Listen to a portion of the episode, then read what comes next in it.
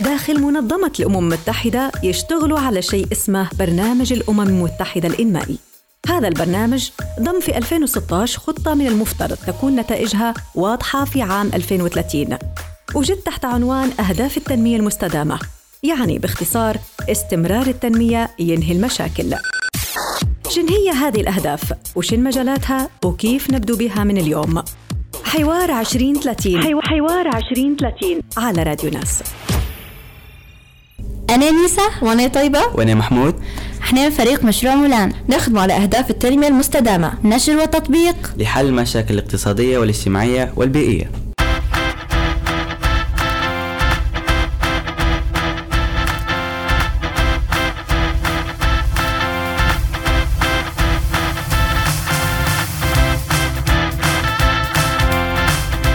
الفقر مش عيب.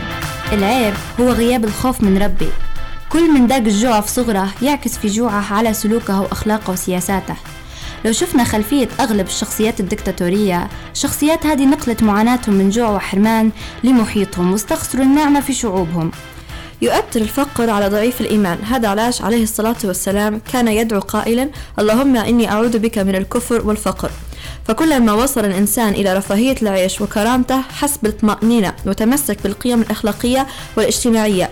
لكن لما يسيطر الجوع على الإنسان فهو يصبح من السهل عليه ترك كل قيمة أخلاقية واجتماعية. الانحراف والسرقة والقتل وانتشار العديد من الأمراض والاضطرابات الاجتماعية منتشرة في المجتمعات الفقيرة أكثر من غيرها. ولأن إحنا عايشين في الفقر وتربينا عليه وقعنا تحت تأثيراته وتغيرت معايير التقييم عندنا. تلقى الغني واخذ التقدير والاحترام والتبجيل. أك أكثرية الناس حتى لو كان خناب ومحتال ومش مهم عندنا كيف ولا غني. إحنا نتجنبوا فيه السؤال هو لأننا عارفين الإجابة. شفتي سرقة الممتلكات العامة والخاصة؟ إيه وأنت شفتي الاستيلاء على وسائل النقل وسرقة الآثار وممتلكات الدولة البرة؟ هذه نتائج أولى بس للجوع والفقر. شفنا وقاعدين نشوفه في تأثير الفقر والجوع في تصرفات حكومتنا اللي صرفت فوق الستين مليار ولا حطت طوبة ولا نبتت شجرة. فجميعنا تقريبا يخاف الفقر والجوع. المشكلة في اللي يخاف منا أكثر مما يخاف من ربي. تلقاه يسطو على اللي يلقاه. هذا الفقر والجوع يخلي الإنسان يبيع نفسه ووطنه. الفقر والجوع هو موضوع حلقة اليوم.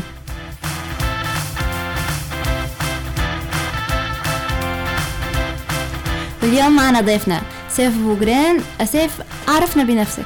آه أنا اسمي سيف الدين أبو قرين آه مصمم graphics ونشتغل ك member في أنا توفيق. واليوم أصلا أنت معانا باش نتكلموا أكثر آه على أنا توفيق أو بشكل عام المؤسسات اللي تشتغل في المجال الخيري.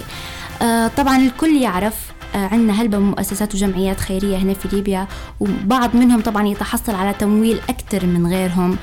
آه، فكنا نفكروا إنه أوكي أي جمعية خيرية هدفها الأساسي إن تساعد الناس الفقيرة تحسن من وضعها.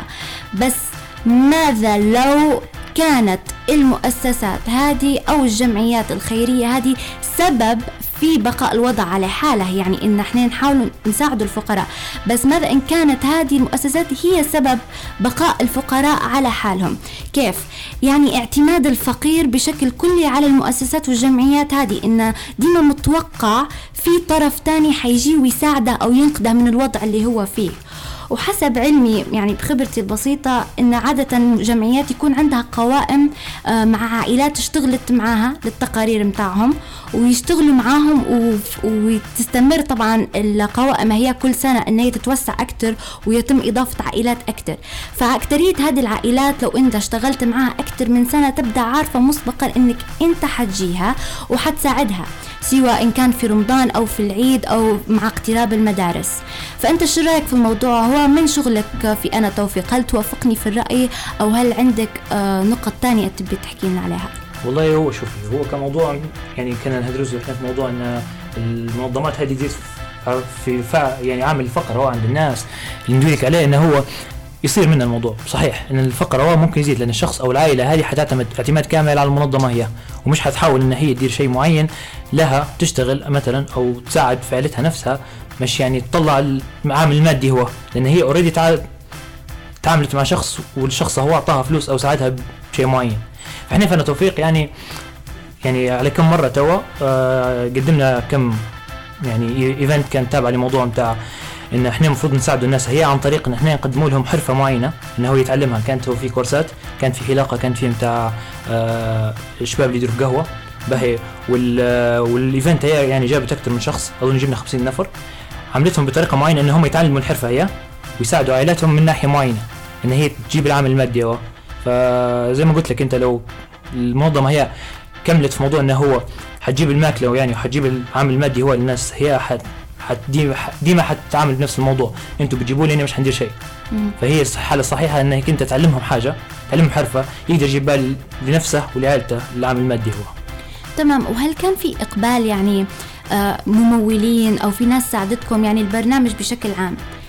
في ناس خشت آه، ساعدت في الموضوع. هل استمر؟ هل كان في إقبال من الناس المحتاجة؟ هل هم عجبتهم فكرة علمني حرفة؟ ولا شفت أن مثلا الطريقة التقليدية اللي أكترية المؤسسات ماشية بها آه، هي الأكثر حاجة مطلوبة سوى من الطرف اللي هو الفقير والمؤسسة نفسها لأن هذه أسهل حاجة. عرفت؟ أننا نوفر صح. آه، المادة ونسلمها للفقير. والله شوفي هو مش كل شخص يتعامل بالموضوع مش كل شخص حيقبل منك أنت مثلا يديك يعني ينقص لك في الفلوس مثلا بتاع الكورس أو مثلا حتى لو جيت لأن في الأخير هذا سعره هو مثلا وهذه خدمته هو مش هي مش أي حد حيتعامل بالموضوع هو. بس في الأخير أنت الفكرة منها الموضوع هذا أو الاستنتاج الكامل اللي طلع فيه إنك أنت بتعلم شخص حرفة معينة إنه هو يساعد بها شخص روحه ويساعد بها عائلته ففي بعض الناس قدمتنا تبرعات في ناس ساعدتنا في السعر. لكن في الأخير زي ما قلت لك الأهم في هذه الحاجة كلها هي الفاعل الأخير اللي هو الحاجة اللي نبغاها إحنا وين نوصلوا بها. هل حسيت إن أصلا المساعدات من الناس قلت في الفترة الأخيرة؟ أنا حسيت آه، ممكن من ثلاثة أربع سنين كان في إقبال أكثر من عامة الشعب. تو ممكن بسبب ضعف السيولة وغيرها. هالشيء هو أثر في التمويل متاع المؤسسات زي أنا توفيق أو أنا توفيق على الأقل بشكل عام؟ لا مش حق. صراحة أنا بنفسي يعني اشتغلت في تجميع التبرعات. في معي شباب تانيين يشتغلوا في تجميع التبرعات.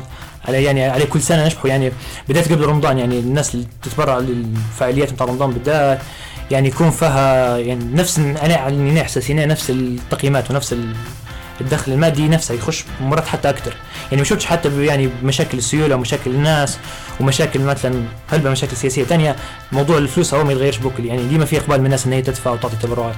وهل التبرعات عادة تكون من الأفراد فقط ولا في مؤسسات؟ لا في مؤسسات وفي أفراد بالضبط. تمام هذا شيء جميل جدا. أه الحاجة الأخيرة نبي نسألك عليها. طبعا البرنامج هو سمعت بيه عند أنا توفيق فقط. وأعتقد أن ناريته حتى على ال social media قبل. الصراحة ما ريتاشي في مؤسسات تانية. هل عندك علم بأي مؤسسة تانية ممكن تشتغل على فكرة آه إنهم يعلموا بعض الفقراء حرفة ولا أكتريتهم يعني ماشيين بالطريقة التقليدية؟ والله الحقيقة أنا من- ما عنديش علم إنه هو هل في ناس يعني تجرب فيها هذه يعني الفكرة هذه في منظمات تانية؟ لكن الحق أنا أتمنى إنه في تكون في منظمات تانية تدير الشيء هذا لأن الشيء هذا واضح إنه هو قصدي فيه يعني نجاح كبير للناس والعائلات يعني.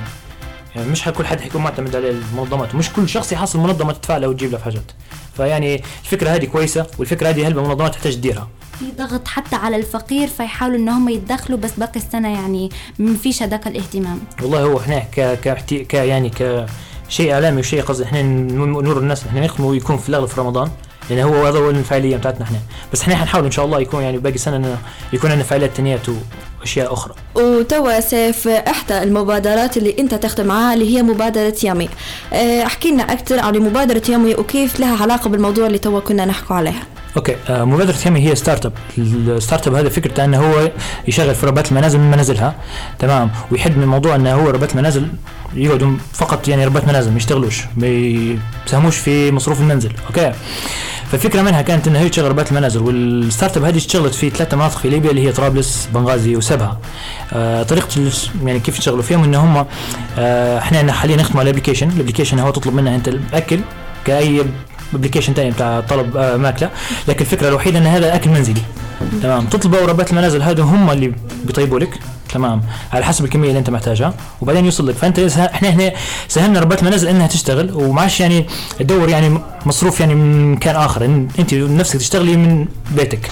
وبهذه الطريقة انت ساهمت في مصروف البيت. كانكم لميتوا يعني جميع النساء اللي مدايرين مشروع بروحهم تاع الأكل لميتوه كلها في ابلكيشن واحد أو تطبيق واحد وسهلتوا عليهم إنهم يلاقوا اللي بيوصل أو هيك وسهلتوا حتى على الناس الطلب يعني. بالضبط حاجة زي هيك وقصدي هذه حاجة إحنا ممتنين بها حاجة حلوة هلبة يعني. إيه حاجة هلبة كويسة.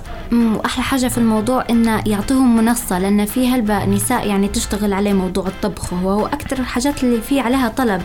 فهلبة اللي يحاولوا ان هم يخشوا الموضوع هو مثلا أوكي أنا نقدر نطيب كويس. عندي موهبة في التطيب ونبي نستثمر منها ونبي نحصل فلوس منها. بس ممكن ما فيش تسويق كويس يعني ما إيه. تعرفش من وين تبدأ. باشين يعني نوزع رقم تليفوني للناس أو هيك؟ فعندها هذه المنصة اللي هي يمي فالناس تقدر توصل آه، عبر يمي وتقدر تطلب منهم وهذا شيء هلبة كويس. جدا كويس. تقدر هل تقدر تشوف مثلا نفس المفهوم هو يتطبق آه، بشكل آخر؟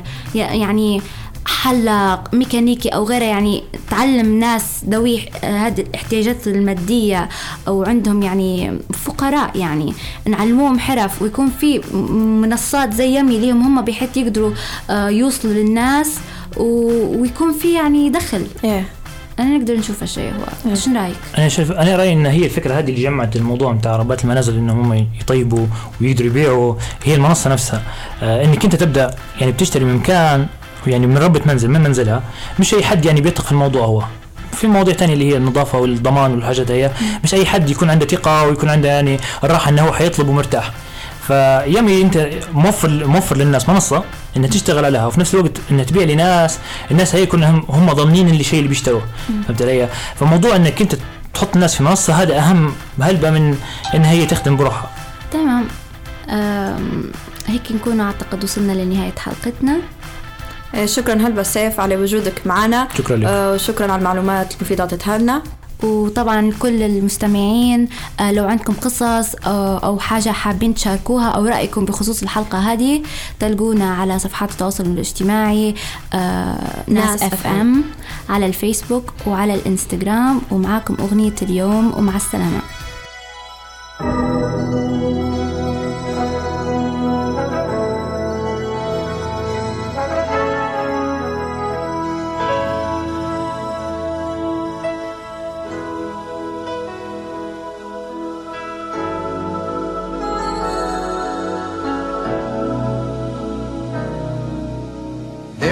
time when we heed a certain call, when the world must come together as one. There are people dying. Oh, and it's time to lend a hand to life. The greatest gift of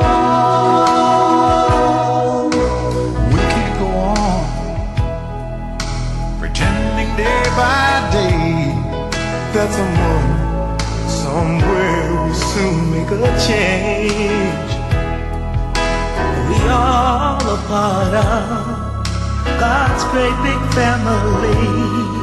And the truth, you know, love is all we need.